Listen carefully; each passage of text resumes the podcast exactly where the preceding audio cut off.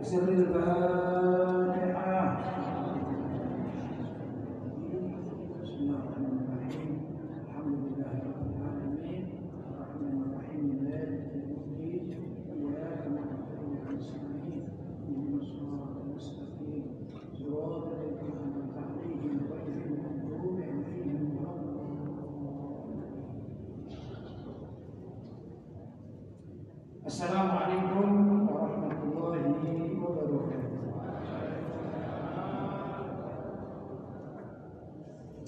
Alhamdulillah Wassalatu wassalamu ala rasulillah Sayyidina Muhammad bin Abdullah Wa ala alihi wa sahbihi wa man wala Wa la hawla wa la quwwata illa billah Ba'ad Hadratul Mukarramin Ma'asyiral ulama al-fudala Ma'asyiral asatidah al-kurama Hadirat jamaah salat subuh di Masjid Hizbullah yang dirahmati oleh Allah. Alhamdulillah pagi hari ini kita bisa berjumpa bertemu di tempat yang sangat mulia ini. Mudah-mudahan keberadaan kita di masjid yang sangat kita cintai ini dicatat oleh Allah SWT sebagai amal ibadah yang pahalanya dilipat gandakan. Allahumma amin. Bapak-bapak ibu-ibu yang dimuliakan oleh Allah seperti pada pertemuan saya kuliah subuh atau pengajian pada subuh di bulan suci Ramadan yang sudah beberapa hari yang lalu saya tidak membaca kitab Tahqiqul Amal. Tapi saya melanjutkan yang hampir sama. Pertama kenapa tidak membaca buku itu? Karena biasanya yang hadir itu banyak santri-santri ini santrinya ngaji sendiri di pondok nah, saya mengambil sisi yang lain tapi insya Allah tidak jauh berbeda tentang amalan-amalan amalan-amalan mungkin keseharian kita tapi yang dikritik oleh orang-orang wahabi salafi nah, kita akan memberikan jawaban-jawaban ya. tentu sesuai dengan durasi waktu sebenarnya amalan-amalan itu banyak sekali yang mereka kritik dikira nggak ada dalilnya. Padahal sebenarnya amalan umat Islam secara umum saya katakan itu ada dalilnya, gitu ya. Walaupun memang kadang-kadang ada amalan umat Islam yang memang salah kaprah. Lalu dulu saya contohkan apa namanya kalau ada keranda mayit kemudian robot ya, dan berawat ya. Nah, itu memang nggak ada dalilnya. Kalau itu memang harus dihindari ya gitu. Dan beberapa, tapi secara umum, secara umum ini kita mengamalkan terutama yang berkaitan dengan agama. Ini ada dalilnya, walaupun dalilnya itu tidak secara langsung atau tekstual dalil itu, tapi diambil istilahnya orang harus wal jamaah bahwa kita ini secara kontekstualnya atau dalil secara jauh itu ada. Begitu ya. Sebagaimana yang dulu saya contohkan. Nabi atau dalam Al-Quran pun hanya perintah banyaklah kalian bersedekah. Tidak ada tekstualnya berapa nominalnya sedekah kan tidak ada, ya. Nah, tapi kita bisa bersedekah sepuluh ribu, dua puluh ribu, satu juta kan boleh-boleh saja ya secara tekstual atau kalimat misalnya perintah Hai umat Islam bersedekahlah kalian dengan uang satu juta. Nggak ada memang. Ya. Tapi kalau bersedekah dengan sedekah yang banyak maka sedekah satu juta ya lumayan cukupan banyak ya. Tapi itu sedikit kalau dibandingkan ada orang sedekahnya 50 juta kan gitu ya. Demikian dan seterusnya lah. Amalan-amalan kita yang sering kali dikritik padahal kita punya dasar nah ingin saya sampaikan mudah-mudahan ini sebagai tambahan wawasan dan juga keyakinan kita bahwa mengamalkan amalan-amalan itu memang ada dasarnya walaupun bukan secara tekstual atau lafaz hadis atau lafaz ayat Al-Quran tapi makna secara makro atau global. Antara lain ada di kalangan orang-orang wahabi salafi itu yang mempertanyakan begini kenapa orang Ahlussunnah wal Jamaah kalau habis sholat kemudian Assalamualaikum habis salam itu ya kemudian bersalaman? Ya kita kan sering gitu ya. Kita tidak pasti tidak pasti berbuat itu tapi sering kita lakukan. Ya dan itu bukan suatu kewajiban kan? Walaupun kita sedang sibuk, nggak masalah kita bersalaman dengan tetangga kita kan? Ya, assalamualaikum, assalamualaikum. Habis itu misalnya khutbah Jumat, di tengah khutbah kita terlambat datang, kemudian kita sholat. Setelah sholat sunnah, kan tetap disunahkan sholat qobliyatul Jumat walaupun dengan yang seringan mungkin karena sudah dalam keadaan khutbah Jumat. Nah, begitu assalamualaikum, assalamualaikum kita nggak salaman. Sering juga gitu kan? Jadi salaman setelah sholat itu tidak wajib dan tidak tidak harus dirutinkan gitu ya. Walaupun ada kata dirutinkan itu boleh-boleh saja, begitu ya. Ini kejadian di masyarakat. Itu satu. Yang kedua, kenapa orang atau wal jamaah itu sering kali walaupun tidak wajib dan belum tentu itu. Kalau habis sholat berjamaah gitu.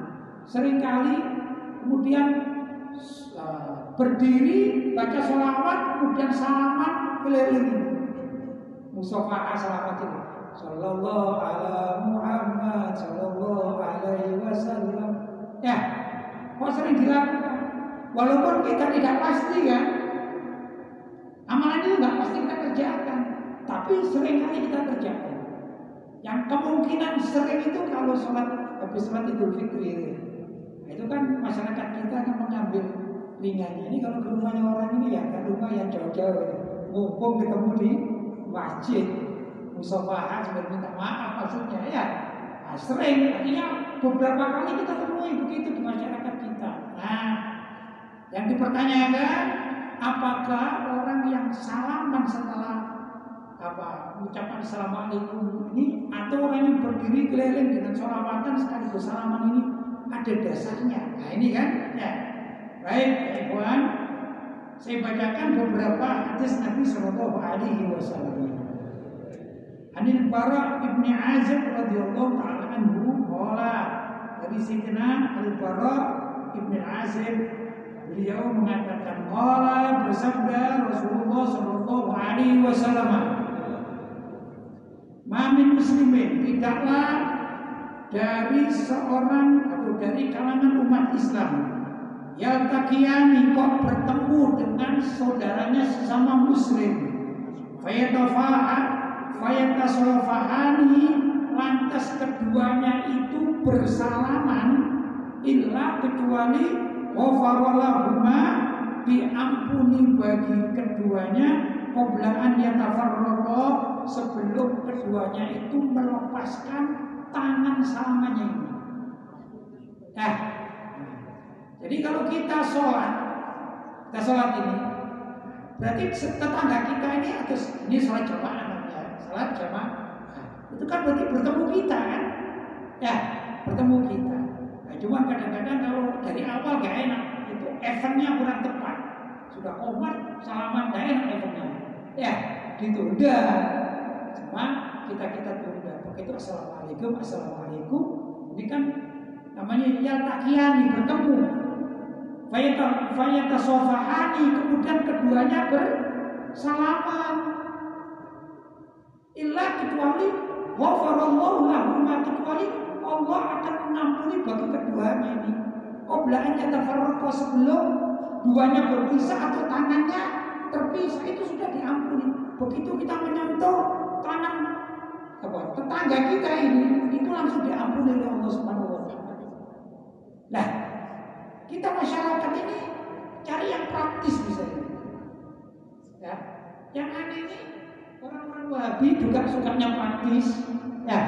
Tapi kalau kita cari praktis nggak boleh. Mereka marah-marah. Contoh. Saya sekarang ini, saya sekarang ini, saya cari praktis. Kalau saya datang ke masjid, untuk menghadirkan satu hadis harus bawa kitab. Saya punya kitab saya Bukhari tebal itu penyarinya main di sini bisa tumpuan ini ngaji cuma satu jam kitabnya segini kan nggak praktis namanya. Maka saya nukil aja satu hadis yang cocok namanya dari praktis. Tadi nah, tidak salah kan? Saya pakai handphone nggak salah. Dan ini bukan bohong-bohongan kan gitu ya, bukan karang sendiri. Itu namanya masalah praktis atau tidak praktis hanya masalah metode saja. Nah, orang kita orang harus wal jamaah biar praktis salamanya setelah sholat. Salamanya pakai setelah. Tidak masalah. Tapi kan ada dalilnya. Kita harapkan apa? Bagi orang yang mengerti. Saya bersalaman dengan teman saya sebelah ini biar saya mendapatkan ampunan dari Allah Subhanahu wa taala. Berarti ada dalilnya ada? Ada. Yang nggak boleh itu apa? Yang nggak boleh itu kalau misalnya kalau itu bilang medali, ini kadang-kadang pernah saya lihat satu video di barat yang dilakukan ada dua kemungkinan. Saya katakan ada dua kemungkinan. Pertama ini kelompok liberal. Yang kedua ini kelompok mualaf yang tidak mengerti hukum. Di barat itu saya melihat ada orang sholat berjamaah Ya. Ini imamnya perempuan, kemudian makmumnya ini laki-laki dan perempuan. Itu pun apa namanya nggak ada sekat. Jadi ya misalnya gambarnya laki-laki perempuan, laki-laki perempuan. Nah ini ada dua kemungkinan ini. Kalau tidak kelompok liberal, kelompok liberal itu memang sengaja membuat begitu. Ada satu tokoh liberal di Barat itu di Amerika namanya Amina Wadud. Namanya siapa? Amina Wadud. Dia bahkan melaksanakan sholat Jumat perempuan loh. Dia jadi khotib Jumat perempuan. Nah ini ini kelompok liberal.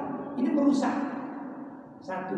Tapi kadang-kadang tidak begitu kejadiannya bukan liberal atau tidak liberal. Memang orang tidak ngerti orang Barat belum ngerti ajaran agama, tertarik masuk Islam. Karena dia suami istri misalnya. Bahkan saya pernah lihat ada orang baru masuk Islam di, di Barat. Di Barat kan mohon maaf, baik laki-laki maupun perempuannya kan pakai celana pendek biasa ya. Tiba-tiba dia tertarik masuk Islam.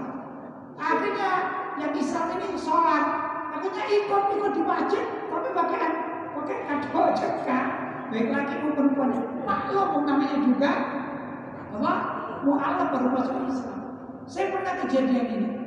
Ada orang Australia itu orang yang saya katakan intelijen lah gitu ya. Urusannya bukan dengan saya misalnya.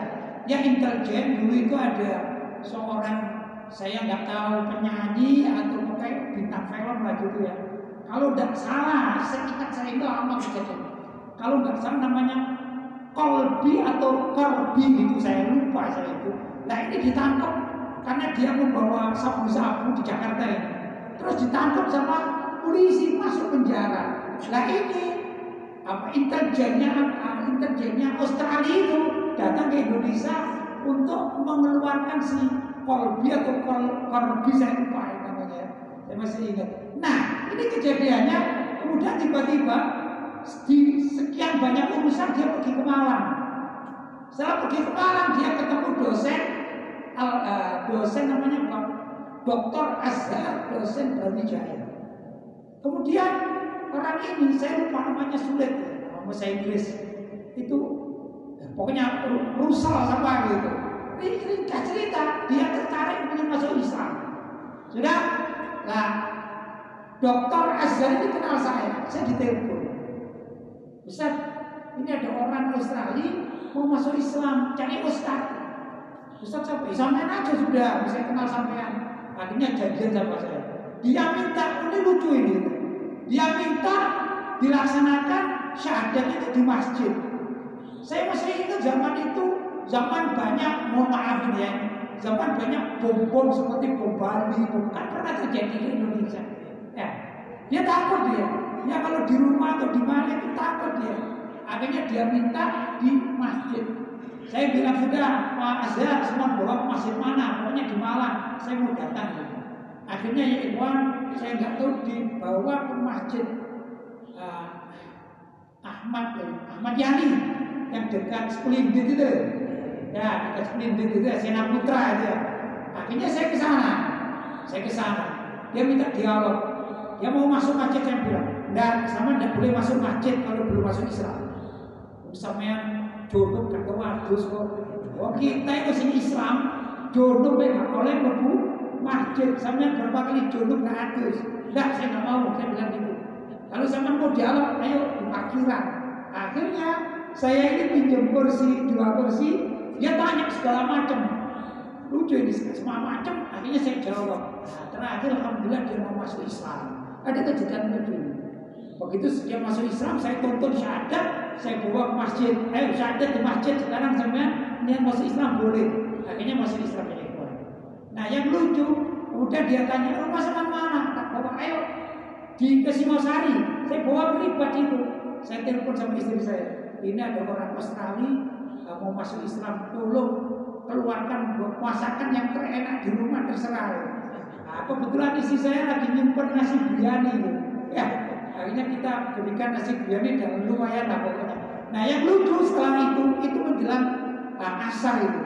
Kemudian sholat asar, ikut sama murid-murid. Ini lucu sekali. Ikut dia, ikut. Ini katoan cekak ya Ikhwan. Pakai karena cekak. Dan namanya murid-murid kan heran ini. Ya oh, saya ambilkan sarung. Ayo, saya sarung ini. Ya. Jadi ini maksud Islam katoan cekak saya sarung. Bisa ono gitu. Sudah. Saya itu lupa yang nggak ngasih tahu namanya orang baru masuk Islam. Akhirnya waktu sholat dia ikut jamaah, ikut jamaah. Nah, tengah-tengah sholat HP-nya dibunyi. Itu lucu. Anak pondok ketawa semua ini.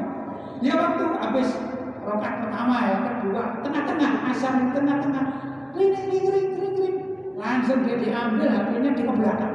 Halo, dia mau ngobrol dia, ya, ini mungkin mungkin maksudnya, mohon maaf saya sudah di pondok, saya sedang sholat, tapi dia telepon.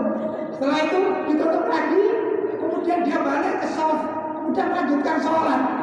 Terus saya pikir sholat tidak wudhu, kadoan cekak, sarungnya aku gitu. Di tengah-tengah, apa? Dengan telepon lagi gitu. Itu anak pondok, nekel ya, ya, ya, ketawa anak pondok. Saya bilang apa-apa, itulah orang baru masuk Islam. Tapi apakah kita salah? Saya katakan, sama sholatnya tepat, gak sah. Sampai enggak kan sedang tunggu Islam ya, ya. Ya kita biarkan saja itulah namanya apa? Orang yang baru masuk Islam. Jadi nggak masalah kan gitu gitu ya. Nah, kembali lagi pada asli permasalahannya ya. Kita cari praktis tatkala kita habis salam Assalamualaikum, Assalamualaikum. Kemudian kita bersalaman. Dalilnya ada ya? Baik. Saya lanjutkan. An Sayyidina Yazid ibn Aswad radhiyallahu anhu anna annahu shalla subha ma'an nabi sallallahu alaihi wasallam faqala. Ada namanya Sayyidina Yazid bin Aswad Beliau sholat subuh bersama Nabi Muhammad Shallallahu Alaihi Wasallam. Kemudian beliau bercerita, "Thumma dharun nasu ya'khuduna biyadihi yamsahuna biha wujuhahum." Kemudian setelah salam, orang-orang itu pada berebut mencium tangan Nabi. Kemudian mereka setelah mencium tangan Nabi itu mereka mengusapkan mengusapkan tangannya sendiri kepada wajah mereka sendiri maksudnya cari barokah. Ya jadi berebut salaman dengan Nabi. Setelah itu diusapkan di wajah mereka masing-masing biar dapat barokah.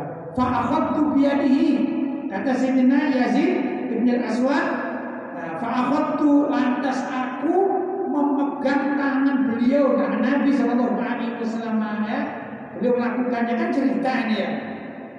Famasahtu biha wajhi setelah aku bersama dengan Nabi lantas tanganku ini aku usapkan di wajah seperti orang-orang. Artinya apa? Nabi pun bersalaman dengan sahabat setelah sholat. Kan dalil ini. Ya, masa kayak gini nggak boleh kita mengikuti. Ini hadis ruang Bukhari diriwayatkan oleh Imam Bukhari. Berarti hadisnya apa? Sahih. Kalau diingkari oleh orang Wahabi, berarti Wahabinya tidak baca Sahih Bukhari kan begitu. Ya, ini berarti mereka kurang dalil kan gitu. Nah, bila perlu kita ambilkan kitab segini. Mau memang ngajinya sampai maghrib. Kamu tuh ke masjid. Was sore kan gitu. Wa an Abi Hurairah dari Sayyidina Abu Hurairah radhiyallahu taala anhu qala An Nabi sallallahu alaihi wasallam qala dari Nabi Muhammad sallallahu alaihi wasallam beliau bersabda Majalasa qaumun Nah ini dalil yang tentang sholawat tadi Tadi yang tentang musafahah biasa itu salaman setelah salam ya. Yang berikut ini menjawab pertanyaan kenapa orang al-sunnah wal jamaah itu sering kali kalau setelah salam, setelah itu kemudian sebelum mungkin setelah wirid gitu ya. Bersalaman salaman baca sholawat keliling itu. Apa dalilnya? Kalau Nabi Shallallahu Alaihi Wasallam bersabda, majalasa kaumun tidaklah seseorang atau tidaklah suatu kaum itu duduk majlisan di suatu tempat atau majlis. Lam yadhkurullah ta'ala. Kok tidak zikir kepada Allah Subhanahu wa taala pada pertemuan itu walam yusallu ala nabiyyi fihi. Dan kok tidak mengucapkan sholawat kepada nabi mereka fi pada majlis itu? Illa kecuali karena alihim tiratun. Kecuali besok di akhirat pada kelompok itu akan ada penyesalan. Kalau kita duduk seperti gini dan baca sholawat dan zikir pada Allah besok di akhirat kita akan menyesal. Begitu kayak gini. Fa kalau Allah menghendaki orang yang duduk bareng kok tidak zikir pada Allah kok tidak baca sholawat kepada Nabi Shallallahu Alaihi Wasallam. Kalau Allah mau maka Allah akan menyiksa orang-orang yang duduk bareng-bareng itu kok tidak mau sholawat ini mungkin juga perhatian kita suka nongkrong-nongkrong bersama-sama kongko kongko ya? Kongko kongko gitu ya? Ya itulah ngabuburit ngabuburit. Gitu ya kok tidak baca? Zikir kan? Kalau Allah mau menyiksa akan disiksa oleh Allah. Naudzubillah min dzalik wa insya'a kalau Allah mau ghafaralahu Allah akan mengampuni mereka. Ya mudah-mudahan kita kalau salah seperti itu ngobrol tok, kumpul-kumpul sepuluh ngobrol tok karena dikire, karena silaturahim, karena ngaji, karena salawate. Ya, mudah-mudahan Allah mengampuni, gitu ya. Ini diriwayatkan oleh Imam Tirmidzi. Begini maksudnya. Ini dalil bukan tatkala kita selesai sholat, kita kan masih kumpul. Maka kita mengadakan sholat keliling itu biar tidak disiksa oleh Allah Subhanahu wa taala. Ya, adapun salaman-salaman tadi sudah dalilnya. Kalau kita ini kan kreatif ya ikhwan. Umat Nabi Muhammad ini adalah umat yang kreatif. Jangan stagnan gitu. Ya, kalau stagnan ya mohon maaf bahul tebahul lain jahil tetap jahil. Tapi kalau kreatif, alhamdulillah ada salawatnya, ada salamannya. Ya begitu mestinya. Saya Umar bin Khattab radhiyallahu taala itu kreatif. Itu contoh sahabat yang jadi teladan itu. Sayyidina Umar bin Khattab itu tak kalah melihat. Pertama gini, tentang sholat taraweh. Ya, itu Nabi Muhammad sudah pernah saya terangkan. Nabi Muhammad tarawehnya cuma beberapa hari. Begitu zaman si Bakar sama juga. Sebelah sana ada yang sholawat berjamaah, sebelah situ tiga. Sina Umar bin Khattab kreatif orangnya. Wah, ini sing enak ini dikumpul no ayo. Ya, kreatif dikumpul no. Habis itu apa? Diajak sholat berjamaah. Karena nggak dosa. Itulah kreativitas Umar bin Khattab radhiyallahu taala. Ini sahabat loh. Maka kita pun juga demikian. Kita gabungkan antara perintah zikir setelah kumpul Baik zikirnya menyebut nama Allah tuh bersalawat pada Nabi dengan salaman salaman ini kreatif kita kreativitas kita Boleh apa tidak boleh? Ya boleh bagi orang yang ngerti. Masalahnya tidak ngerti itu nodo-nodo. Karena nggak ngerti. Dikatakan anasu ada umat jahilu. Orang itu adalah musuh sesuatu yang tidak diketahui. Orang itu adalah musuh sesuatu yang tidak diketahui. Kalau orang itu tahu, gak bakal musuh dengan sesuatu itu. Ada gambaran ya ikhwan. Mungkin bapak-bapak juga pernah lihat atau berapa cerita atau apa gitu. Ada orang kalau zaman dulu ini kita masih ingat ya, masih kita masih remaja-remaja itu artinya nakali koncone itu. Lek dari saya ngeprank jadi gitu. Mohon maaf ini. Mohon maaf ini. Ono telepon Ada telepon ke jalan raya. Nah, dulu kan ono kurungan PT sing cilik. Ya, kurungan PT sing cilik ditutupi telepon. Betul, bisa ditulisi, ojo didelok. Pernah kan? Apa terjadi? Tambah dini atau benda sama orang? Ini ada umat jahilu. Karena dia tidak tahu isinya apa, kepingin tahu.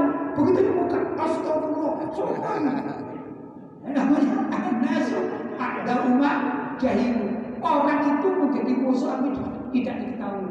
Tapi bagi yang tahu ini, misalnya saya yang nutup tapi saya punya teman ini. Kamu tak turuti nakali uang. Dia tidak bakal buka karena dia sudah tahu isinya tahu. Paham ya? Nah, demikian juga orang wahabi-wahabi. Dia nggak tahu ini hadis ini, dia anggap nggak ada. Begitu, nggak tahu cara merangkai hadis satu dengan lainnya, maka dianggap nggak ada, dimusuhi. Kalau sudah tahu, oh ini tak dalilnya. Nah, kalau sudah tahu tapi nengkel, ya jadi jawab begitu kan? Ya, gue seru nengkel jenenge. Ada ada telepon ditutupi, ojo didelok barang wong kate delok ya. Jadi koncone ojo ku telepon, cek dablek wis apa kapan kan gitu kan ya. Itu istilah kita. Itu saya pakai bahasa Singosari ya. Kapan kapan gitu ya bahasa Singosari. Baik, saya lanjutkan. Satu permasalahan. Betul nggak ini sering terjadi ya, Ikhwan? Baik, ada lagi. Saya dapat ini yang sering diingkari oleh orang Wahabi Salafi. Amalan malam nisfu Sya'ban. Kita ini kalau malam nisfu Sya'ban ya memang dianjurkan oleh para ulama apa? Baca Yasin tiga kali, ya kan? Kemudian berdoa setiap selesai baca Yasin. Coba kita tanya satu persatu baca Yasin itu dalam kutip diperintahkan secara sunnah atau dilarang oleh syariat? Diperintahkan secara sunnah. Nah, tidak wajib lah tapi diperintahkan. Perintah itu nggak harus wajib ya kan contoh perintah nggak harus wajib sholat sunnah. Sholat sunnah apa ya? Fajar itu kan perintah tapi nggak wajib. Ya sholat duha perintah tapi nggak wajib hukumnya sunnah baca Al-Quran perintah atau tidak perintah tapi kalau tidak di dalam sholat tidak wajib Fakro'u ma minal Quran. Bacalah semampumu ma tayassara yang mudah bagimu minal Quran dari Al-Quran. Perintah. Ya, baik. Kemarin juga kita sudah membahas Iqra'u Yasin. Alamu takun bacakan surat Yasin untuk ayat kalian. Artinya baca Yasin itu juga perintah syariat. Nah, gimana kalau bukan untuk ya, untuk ayat, tapi ini baca Yasin di malam nisfus Sya'ban. Paham ya? Baik. Saya baca hadisnya. Hadis Mu'adz bin Jabal radhiyallahu taala anhu dari Sayyidina Mu'adz bin Jabal radhiyallahu taala anhu anin Nabi dari Nabi sallallahu alaihi wasallam qala beliau bersabda yattali'ullahu Allah menyaksikan atau memperhatikan ila jami'i khalqihi kepada seluruh makhluk-makhluknya terutama manusia dan jin ini terutama. Kapan itu? Lailatan nisfi min sya'ban di malam nisfu sya'ban. Allah yang toli itu melihat melihat-lihat apa mirsani melihat-lihat meneliti meneliti ya. Ini setiap malam nisfu Sya'ban fayaghfiru li jami'i khalqihi. Maka Allah berkenan untuk mengampuni nah, semua makhluk-makhluknya itu terutama manusia dan jin. Minal jinnati wan nas terutama ya. Illa kecuali di musyrikin bagi orang yang menyekutukan Allah. Orang kafir tidak akan diampuni. Au atau musyahinin kalau ada orang padu atau tukaran gak wawo apa jadi satu. Nah, kita bilangnya wong satu kode Islamnya tapi satu. Ya dah ketemu pelero-peleroan nah itu ya. Ketemu pelero peleroan sengaja diwawono gak gelem gelem kalau misalnya gini saya misalnya saya saya punya saudara misalnya. Saya saya punya saudara adik saya itu namanya Faiz adik saya. Saya tidak pernah ketemu satu bulan. Kalau nggak ketemu hanya nenek di Surabaya. Itu bukan satu nanti soalnya kalau ketemu kan salaman. Ya tapi ini enggak. Misalnya saya satu sama adik saya misalnya. Ketemu itu pelero-peleroan oh, oh, ah, gitu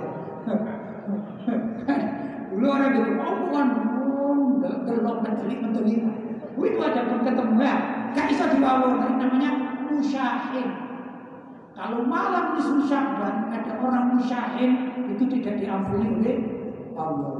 Paham ya? Jadi malam nisfu Sya'ban itu waktunya Allah apa? Waktunya Allah mengampuni segala dosa manusia. Lah kita masa yang menang turut tok yang darah kita pergunakan untuk amal ibadah. Ya nah, ini satu. Berarti kita mengharap apa ini? Ampunan dari Allah. Pertama, kita zikir. Kita baca Yasin. Kalau kita baca, baca Yasin zikir, mohon maaf, itu orang musyrik atau mukmin? Alhamdulillah kita menunjukkan kepada Allah, ya Allah, aku mukmin. Aku bukan musyrik dengan cara baca Yasin tadi. Boleh, boleh, boleh. Boleh. Dan kita mohon ampunan kepada Allah. Tapi kalau kita punya satu sebaiknya segera minta maaf. Misalnya paginya waduh kok begini nisfu syamban maka pagi kita cari yang opsi satu satu. Ojo sepuluh ojo sepuluh ojo gengsi. Biar apa? Malamnya mendapatkan ampunan. Itu mestinya ya. Baik saya lanjutkan. Ini tadi riwayat oleh Imam At-Tabarani kemudian di dalam surat At-Dukhan itu disebutkan Allah SWT berfirman Inna anzalnahu fi lailatin mubarakatin Inna kunna munzirin. Fiha yufraku kullu amrin hakim. Terjemahannya Sesungguhnya kami Allah menurunkan Al-Quran di malam yang berkah Bukan Al-Quran secara menyeluruh tidak, tapi ada ayat-ayat Al-Quran yang diturunkan pada malam itu. Dan sesungguhnya kami Allah memberi peringatan di malam itu diturunkan setiap takdir yang maha bijaksana dari yang maha bijaksana. Jadi Allah mengatur takdirnya manusia. Ya, ini wong api tidak api ini pada malam itu. Tafsirannya gimana? Dalam tafsir Imam Al-Qurtubi nah, juz 16 halaman 126 Sayyidina Ikrimah sahabat Nabi mengomentari bahwa yang dimaksud ayat tersebut adalah malam nisfu Sya'ban. Terjemahnya bahasa Arabnya begini. Inna hadhihi lailata hiya lailatun nisfi min Sya'ban yubramu fiha amrus sanah. Itu yang dimaksudkan adalah malam nisfu Sya'ban yang Allah mengatur satu tahun untuk urusan nasib manusia dalam satu tahun.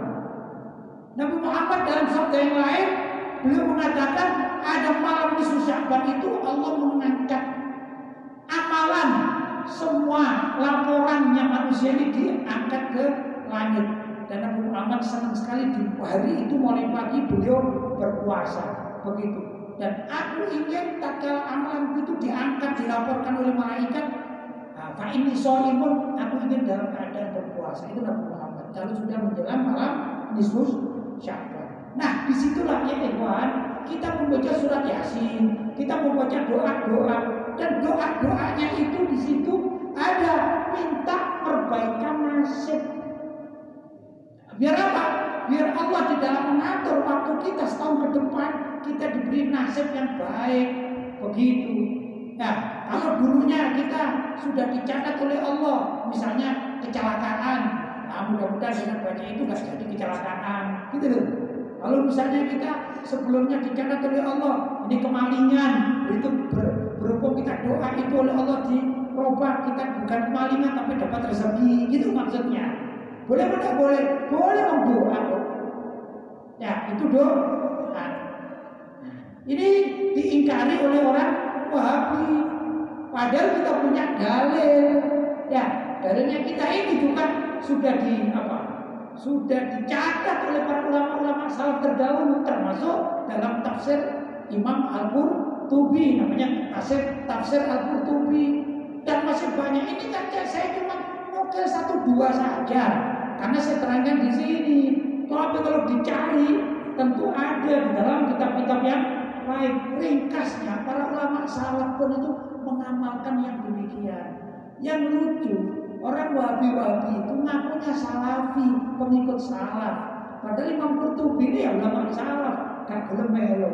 Sing cocok di ini gak cocok ditinggal. Itu kebiasaan orang-orang wahabi yang aku sebagai salafi. Ya, jadi memang repot dari mereka ini. Ya termasuk ini apa ya? Minat cengkalin lah gitu ya. Termasuk orang-orang cengkal-cengkal gitu ya. Repot ketemu sama orang demikian. Ada juga cerita ini. Ada apa istilahnya mutiara kata ini. Anzon walau torot kan. Atau anzaton walau torot ada dua versi. Anzon Anzon itu domba, domba, ya. domba. Walau torot, walaupun terbang, gitu. Ini gambarannya orang Wahabi yang cengkal-cengkal itu. Jadi dulu ini ada dua orang bersahabat.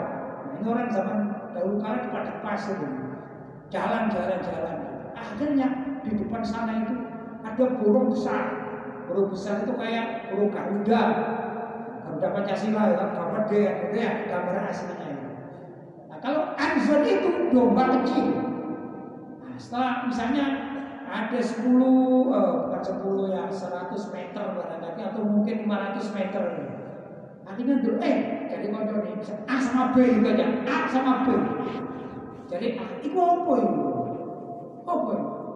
B sih jawab, oh itu anu domba. Karena itu mana nih, domba. Kalau untuk Iran kan ada domba yang hitung kan. Akhirnya sambil jalan diparani nih, dua orang ini datang ke situ parani. Terus si apa tadi burung ini, burung besar itu kemudian mendongakkan apa namanya kepalanya itu. Kata aku oh itu itu bukan manuk.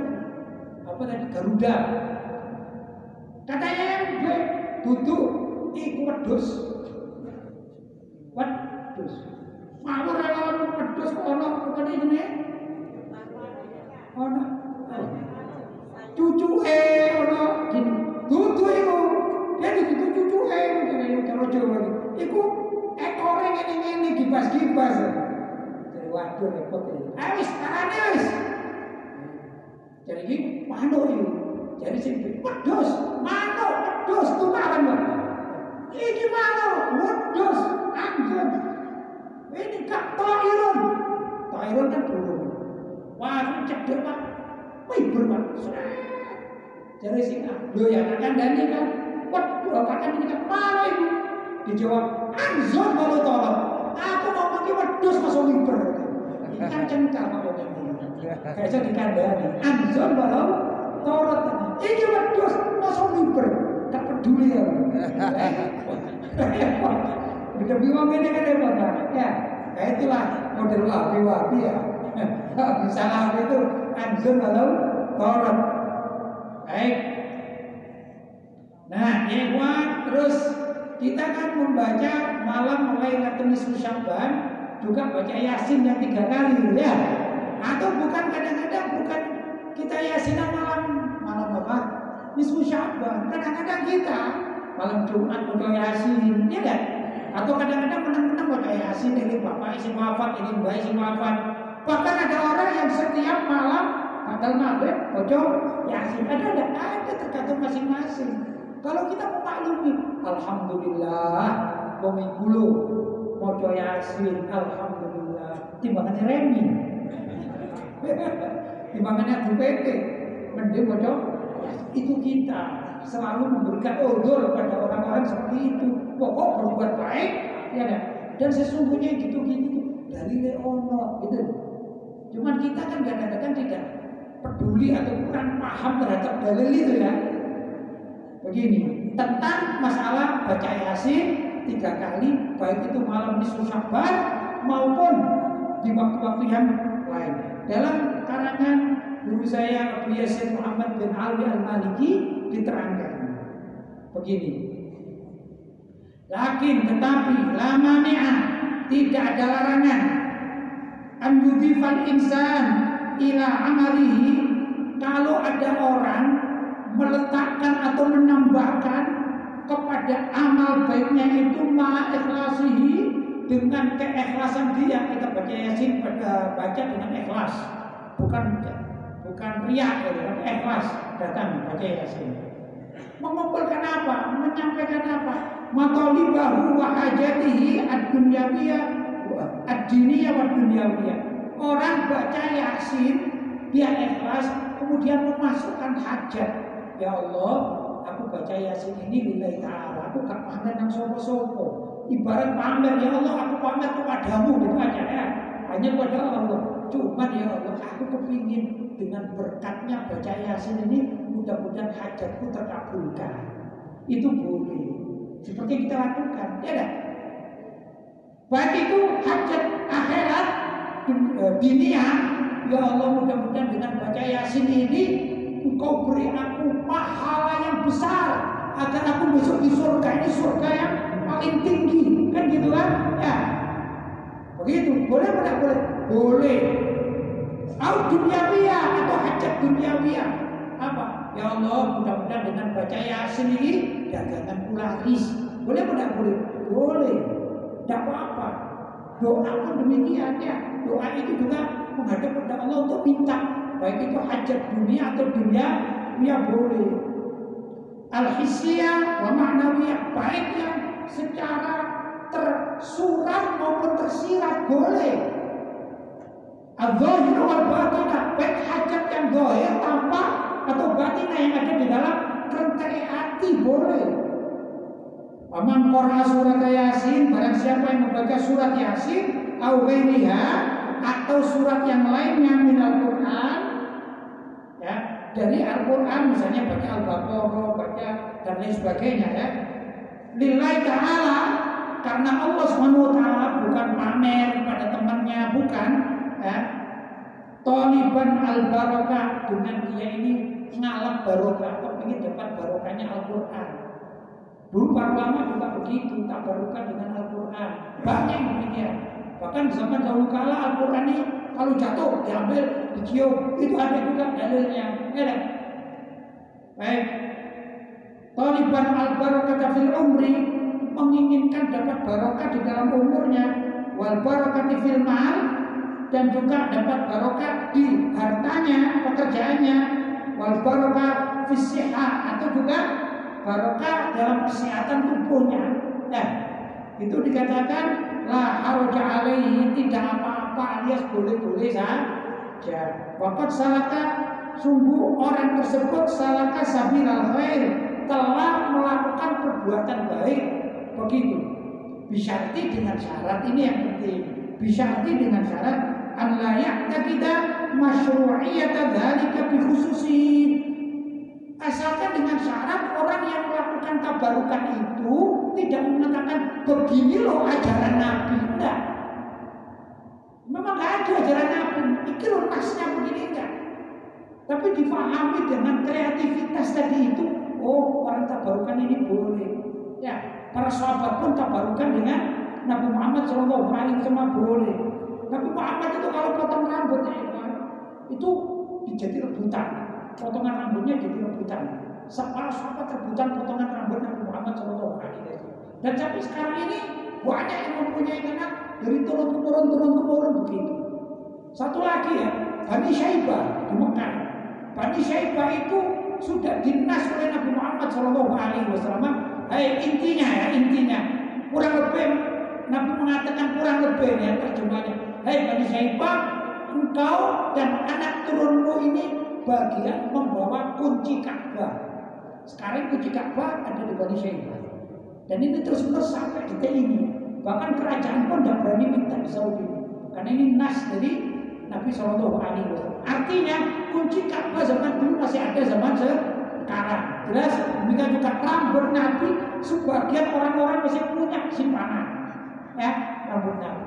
Bahkan menurut penelitian rambut Nabi itu hidup, rambutnya Nabi itu hidup. Artinya tambah panjang, tambah panjang. Seperti kita punya rambut, kalau nggak dicukur kan tambah tambah panjang. Itu mukjizat Nabi, rambut Nabi sampai sekarang itu hidup. Itu yang diteliti oleh banyak ah, ulama-ulama begitu ya Ibu. Ya, jadi kalau kita mendapatkan rambut Nabi di mana ada dua kemungkinan. Kalau orang jujur, ya memang bisa asli rambut Nabi.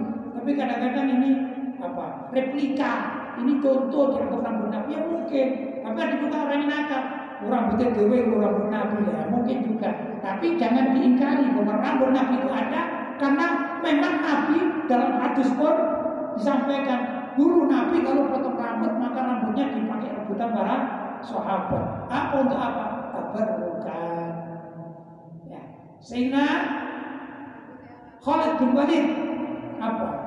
Beliau komandan perang ya komandan batalion perang sehingga Khalid bin Walid singa padang pasir.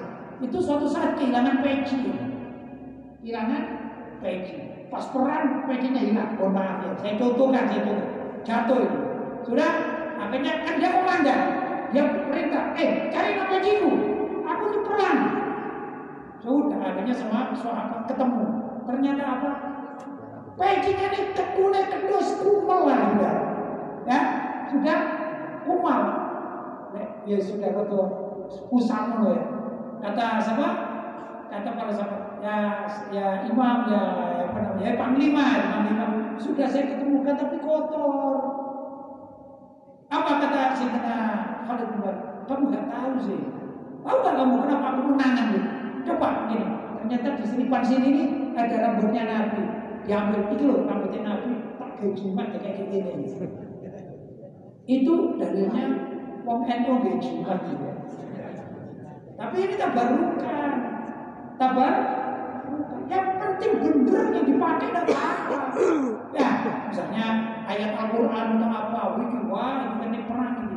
Saya yakin waktu zamannya PKI dulu itu kiai kiai, saya yakin punya juga jimat-jimat itu. mau gini, kayak ketul, kayak ini. Saya dulu masih kecil waktu eleng-eleng gitu ya, walaupun tidak ngerti perang tapi ada kiai-kiai tokoh-tokoh ustaz-ustaz ada sempat oh ono jimate itu mengikuti perilaku sehingga Khalid bin Walid. Cuman sehingga Khalid bin Walid saya diserempet mau adalah rambut Nabi Shallallahu Alaihi Wasallam. Saya lanjutkan. Asalkan tadi itu ya yang apa? Baca sesuatu ayat terus minta ini kepada Allah minta selamat niatnya apa keberukan asalkan tidak diyakini. Iki lo ajaran Nabi aku mau tomene lo mercy. Bukan tapi boleh. Maksudnya boleh. Banyak roh yasin falatan bolehlah dengan ngalap barokah itu orang baca surat yasin falatan tiga kali. Seperti kita lakukan pada malam Yesus Syakban. Au salatina lek gelem ya 30 ping 30 lek gelem lek kuat. Au halazimi hati marah. Lek gelem aneh tolong atus. Lek kuat ini. Eh coba ini imamnya dikini tolong atus tak bubar kabeh. Ya, maka yang paling praktis kita orang Indonesia ya mau coba kalau betul. Ngono ya waktu sih maju ke masjid. Ya dah, ke majlis pas saya aku. Ada gitu. Padahal boleh saja kita baca berapapun boleh. Intinya nggak ada larangan orang baca yasin berapapun jumlahnya. Ya, kalau kita memilih tiga kali sekalipun sekaligus doa, nah itu maksudnya. Bal dia Al-Quran kullahu lillahi ta'ala dan kalau mau hataman Quran pun malam nisfu Sya'ban boleh. Bahkan kalau ada yang mau setiap bakal maghrib sampai isya hataman Quran kalau mau. Kuat enggak? Kuat juga aja kan masalahnya. Baik. Saya lanjutkan. Karena apa? Lillahi ta'ala karena Allah SWT khalisan lahu yang ikhlas demi Allah taala. Walaupun juga ma'atolabi kodori awajihi tapi dengan niatan juga disampaikan untuk agar Allah memberikan kemudahan bagi hajat-hajatnya. Boleh nggak? itu boleh hukumnya. Watakti watakti kumatolibi dan juga menguatkan keinginannya watafriku hatihi.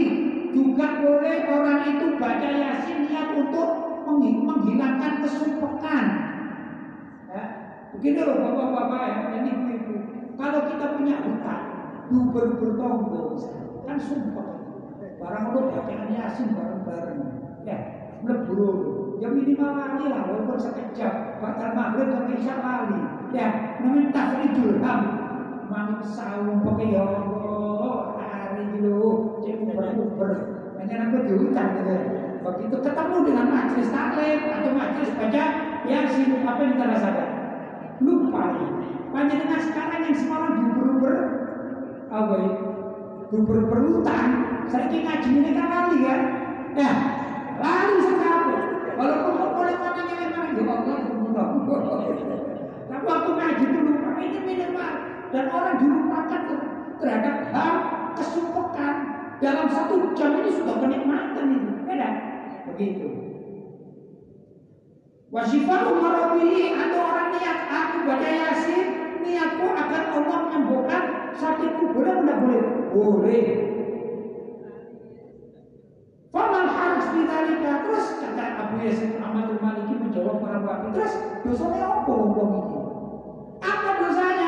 Baca yasin dia dia sembuh apa dosanya? Tak ada. Bahkan di dalam Al-Quran pun ada ayat-ayat sifat wa idza maritu fa huwa yashfi fihi shifaa'un linnas. Ada. Al-Qur'an ajar mengajarkan orang baca Al-Qur'an untuk cari adawi atau berobat. Ini baca Quran diserani ada berobat. Saya alhamdulillah ya ikhwan saya meniru ya ya orang kan boleh. Saya itu meniru guru saya. ya, guru saya itu Abu Yasin Muhammad Al-Malik itu kalau sakit beliau malah seneng ngaji. Aneh. Suatu saat saya tahu beliau itu sakit keringetan gitu. Waktu ini ngaji, aku ngaji. Ya kita tonton. Kalau tanya, Abu ya kenapa antum ngaji? Astasfi bidars. Saya ini cari sembuh dengan ngaji. Begitu ya. Nah, panjenengan jangan tanya saya, tanya kepada beberapa orang kiai. Kiai kiai sebagian itu kalau sakit malah ke masjid. Aku itu tambah loro. Nek raja nggak was-was senang masjid itu banyak begitu. Saya alhamdulillah begitu. Mungkin bapak-bapak ibu kalau ketemu murid-murid ini tanya. Saya itu males nih ngomong loro sakit di ranjang itu tak tabrak loro nih. Pokoknya aku ngaji pokoknya. Masa mau lemes ngaji satu arah. Namanya guys. Demikian juga dengan bacaan Al-Quran. Aku kepenting waras dengan bacaan Al-Quran. Was-was baca Quran, baik ngombe, panas keringetan enteng. Ya, itu begitu. Jadi boleh punya.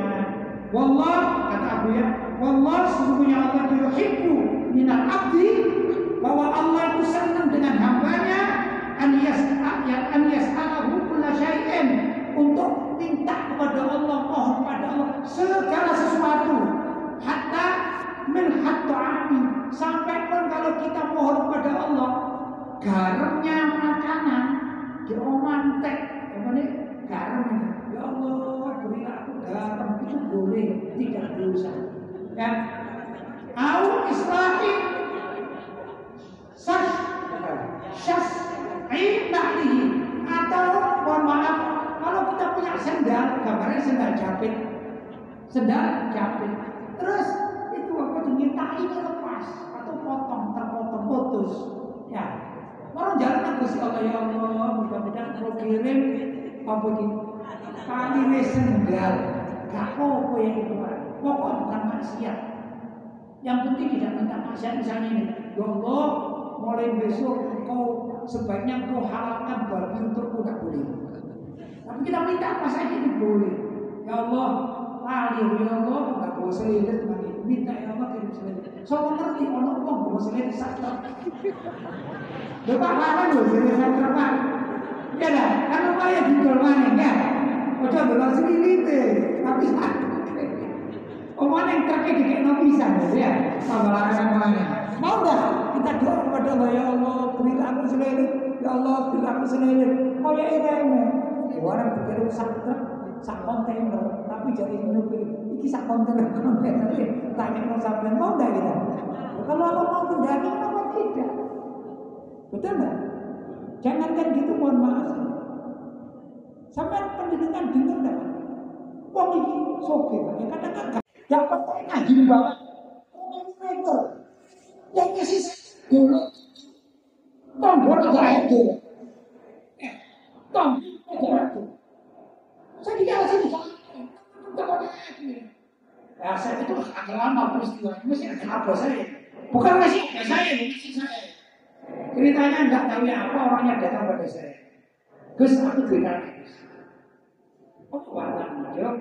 Aku keinginan sambian. Saya bilang, Pak, sama sebelumnya angkat ambil aku. Kalau wakaf aku gak belum. Apa aku yang gak belum aku. Nah, hibah aku. Itu, hibah itu ada. Aku pak ya, aku. Saya bilang, oh, aku sama kayak hibah, Pak, tak kayak pondok.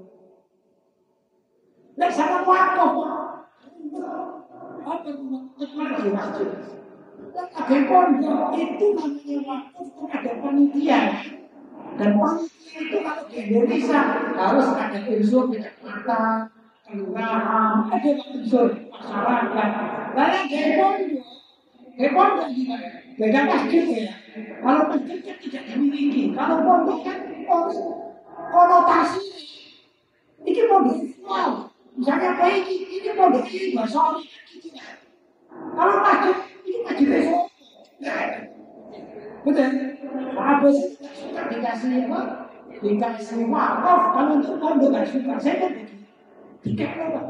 Akhirnya saya dulu di heret lah. Ya. Di ajaran kecamatan. Saya ditanya sama kecamatan, ini musyawarah. Loh Pak, saya bilang sama Pak Camat kalau dapat salah waktu Pak Suroto kalau tidak salah ini saya. Buat tak pondok Pak, aku jalur surat riba. Dan wakaf yang umumnya. Tapi kan dikasih sama saya. Residen ini. Wah, di situ saya punya tanah. Dua ribu meter. Hadiah. Pertanyaannya, dua ribu meter di situ berapa? Saya sudah kasih miliar. Makin besok-besok harus berkembang. Ya kan? Itu kan tempat apa? Menjaga, apa kan gitu ya. Kalau pakai bisa tiga tiga ada orang loh masih. Pada saya ini kan walaupun saya ini nganggur pak. Karena untuk jalannya belum dibangun kan bisa masih nganggur. Tapi begini pak. Yang saya ingin saya sampaikan. Kalau kita doa kepada Allah mungkin waktu itu saya punya doa dengan Allah masya Ali masya Allah. Mungkin kayak gini. Ya Allah ya karena kemarin video bisa main ledok ya Allah berikan saya sing tanah ledok oleh Tuhan itu oleh orang meter. Kan mungkin terjadi pak. Ya, itu doa. Pak, itu doa. Sudah, saya punya tanah di situ. Suatu saat ketahuan tahu dari Batam. Itu panitia yang biasa saya ke itu apa namanya? Kalau Batam itu yang jadi panitia. Titik kenalan. Saya ditelepon. Menjadinya gimana? Saya ada di rumah. Ayo, ini rumah makan. Ya beliau yang borong dia beliau. Ayo, saya hadir. Ternyata ini ada orang. Akhirnya selesai ngobrol-ngobrol, langsung ini konsultasi. Ada orang, bukan bapak tadi konsultasi. Ya boleh saya? Ustaz, kok boleh? Saya bermasalah. Oh, mau bermasalah ya? Oh, saya katakan sama orang. Bisa saya sama masjid ini. Macam-macam. Yang. Gitu ya. Saya bilang, sama saya, gitu. Apa? Wakaf itu macam-macam wakaf itu kan. Tapi kalau sama di bagai pondok dua tempat kaki sendiri mau. Langsung di situ. Ya pun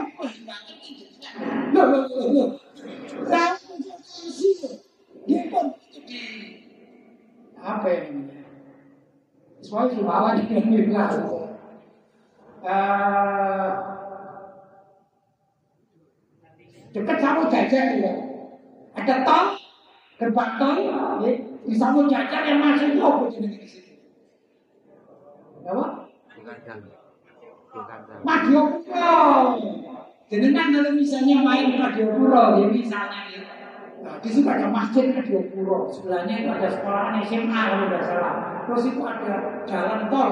Jalan tol kalau mobil kan mandek-mandek nabrak pintu masjid gitu. Itu ke kanan Pak arah ke kanan 10 meter ya salah 10 rumah bisa ketemu bensin ini di belakangnya itu. Moro-moro waktu saya itu aku namanya itu jadi boleh kanan ya.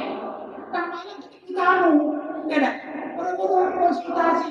Itu kalau di belakang yang jadi Oh, sama kira masjid di Hewan yang saya dengan ya Allah, mudah besok saya bisa bikin pondok putri. Saya bilang bilang sama istri saya, ini mau pembela ya. Sekarang dalam pengurusan surat, saya tidak terima saja. Sudah begitu. Ini baru aku menunjuk. Aneh pak, aneh itu ya kalau kita doa kepada Allah, ya Allah saya minta benteng atau minta apa? Saya atau dikira Allah, bantu Allah. Sobat ketika ini konten kita bawa konten itu langsung dia baik. Itu boleh atau boleh? Boleh ya. Baik. Terus ada juga? Masih ada waktu. Kita ini ada apalagi pas hari-hari ini. Ada namanya orang mengatakan ayo sholat malam mulai laku Qadar. Pernah dengar ada guru ada ada juga ada ayo sholat malam nisfu syakban. Ya malam itu qadar macam-macam sholat yang belum sholat macam ilmu macam-macam.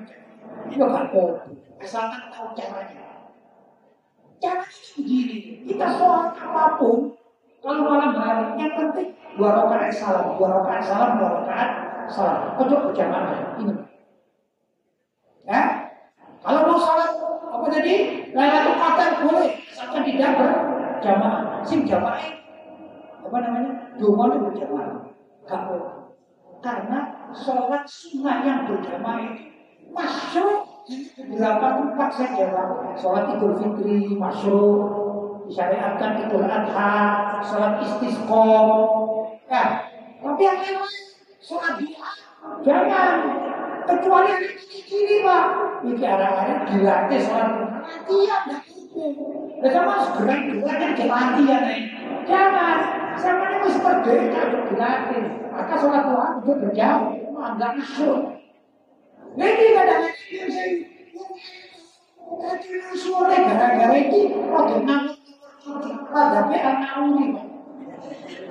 Di situ mengatakan bolehlah untuk latihan maka orang itu mengadakan sholat Tuhan berjamaah untuk latihan.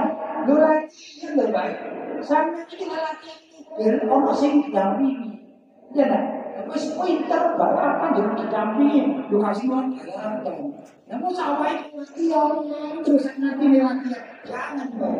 Nah, maka sholat Tuhan sebisa mungkin kita sendiri sesuai dengan yang di apa ajarkan oleh Nabi termasuk sholat hajat malam boleh disyariatkan berjamaah hanya bulan Ramadan saja. Setelah sholat tarawih satu boleh berjamaah pada bulan Ramadan saja. Setelah bulan Ramadan tidak disyariatkan berjamaah. Oh, enak kalau Islam berjamaah, gak mandiri mas. Ya, kalau sudah lepas ini Ramadan sholatnya sendiri-sendiri sesuai dengan apa contoh dari Nabi. Cek dikritik terus mau bahagia. Gak kopi orang aku kopi. Kadang-kadang kesel ngomong ini. Iku sih dikritik. Coba. Oh, khusus. Sebenarnya melanggar. Tapi tidak ngajar saja berjamaah dewi-dewi. Nah, sholat hajat malam bolehlah kita namakan sholat apa saja. Mau gini, saya sholat malam selesai, gak apa-apa ujungnya. Tapi prakteknya tetap ya apa? Dua rakaat salam dua rakaat salam masih. Saya sholat seribu asalkan dua rakaat salam dua rakaat salam dua rakaat salam bebas. Sholat kayak gitu nah misalnya ngomong apa tuh menurut dodolan tempe ya cek laris dodolan dodolan tempe cek laris sholat sholat cek laris dodolan tempe. Ya bukan tapi ya itu kan nggak disebutkan usulli sunatan li laris dodolan tempe oh ini sholat sunnah kayak penglaris dodolan tempe semua tapi banyak udah wakil ya. Banyak kan? Udah wakil. Gitu caranya sholat hajat. Nah, sholat hajat, sholat hajat atau sholat mutlak, sholat mutlak. Boleh sholat hajat atau sholat mutlak. Dimutlakkan waktu kapan saja. Nisfu Sya'ban boleh. Malam Lailatul Qadar juga boleh. Nah, begitu. Ayo, nggak apa-apa ini. Baik, ada hadis. Kanat lailatul min Sya'ban fa lailah wa kalau sudah terjadi malam lailatul Sya'ban mulailah maka bangun malam lah. Hidupkan malam hari. Gimana menghidupkan ngaji boleh ngaji saja taklim boleh. Sholat boleh. Berarti ada perintah ya? Perintah sholat malam lailatul capek. Eh, wasumu naharoha dan kau puasa sunnah di siang harinya. Puasa apa? Puasa nisfu syakban perintah gitu. Fa inna Allah yang lihat ila dunia sesungguhnya Allah menurunkan rahmatnya pada saat matahari benar hari berarti kan Sa'al ila dunia Allah itu menurunkan rahmatnya kepada dapat dilihat kasat mata ya Pak. Tadi kok dibagi oleh malaikat. Jadi Allah menurunkan rahmatnya misalnya gambarannya wongkol gitu kan. Rahmatnya Allah wongkol diturunkan di apa namanya langit pertama yang kelihatan dari dunia.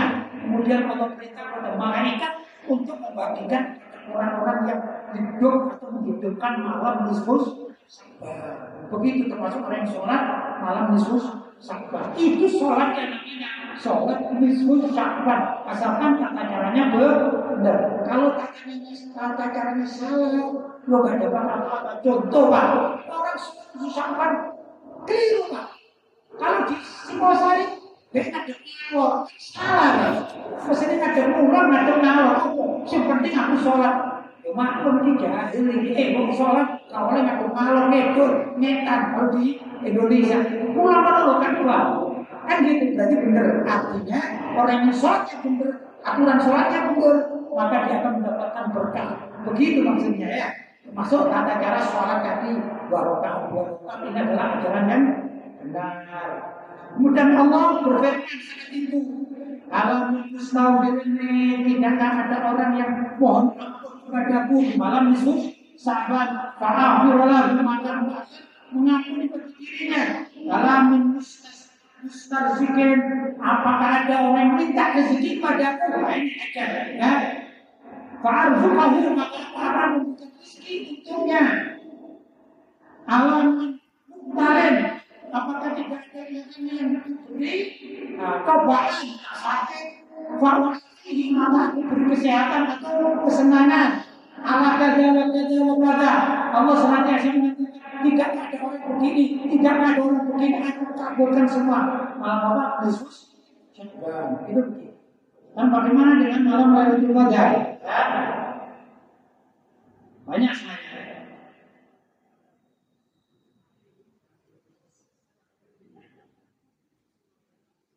Nah, ini sudah waktunya aku berhabis. Gimana malam sholat malam Lailatul Qadar? Jadi kan itu Syakban. Saya ambil itu Sallallahu Bukhari Muslim. Ada soal. Nabi bersabda, "Oma Lailatul Qadri Mengkoma barang siapa yang. Mau merasakan imannya dengan penuh keimanan, wah isaban dan mengharapkan pahala. Maka akan diampuni dosa-dosa yang lampau.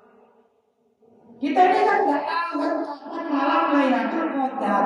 Cuma aturan dari para ulama biasa eh biasanya ini ya biasa itu malam curang jadi tanggal 20 malam 21 terus tanggal 22 malam 20 3 malam 20 5 malam 20 7 malam 20 9 ada mangkong Lailatul Qadar siapa orang yang bantu pada malam Lailatul Qadar kayak pengadepan gerepi yang kalah kayak sholat, zikir, kayak itikaf. Ya, itu. Maka dikatakan sholat. Ini udah keteretan jam lima itu. Karena orang Indonesia ada mulai. Kita orang Indonesia. Harus begitu. Itu mandi. Apa pipis mandi. Langsung sholat. Jadi kan. Tapi sholat semua rukun syaratnya dipenuhi kemudian sholat pakai caranya sholat sunnah. Jadi banyak. Itu salah kalau kadang salah kalau kita salah kalau kita salah akhir ditutup pinggir jadi lanjut maka orang demikian ini akan mendapatkan ampunan dari Allah terhadap dosa-dosa yang terdahulu boleh boleh boleh pak? Boleh pak. Ya cuma memang tidak ada di dunia tidak ada ajaran Nabi Usalli sunnata lailatul qadri lillahi ta'ala bukan begitu. Usalli sunnata lillahi ta'ala tapi kalau mau disebutkan gitu gak bisa kamu itu penamaan saja ya itu penamaan saja coba ini mohon ini apa sih pak nama-nama ini ono sebut kocok moto ono sih mau besarkan mata ono ini kocok di hal ini ya dah macam jeneng ya. Ini apa maknanya bro? Ini kayak gini itu enggak rumah. Jeneng aja ya. Enggak apa salah jeneng. Iki apa ini pak? Iki rumah besar semua. Nah, begitu juga nama kita sholat, biaran apa? Gak masalah, jangan terlalu kaku, hanya masalah nama, betul? Bapak-bapak dan ibu-ibu yang mengikuti Allah SWT sudah jam 6 lebih 2 menit pelanggarannya cuma 2 menit ya. Maaf yang sebesar-besarnya mudah-mudahan ada manfaatnya. Ada Assalamualaikum warahmatullahi wabarakatuh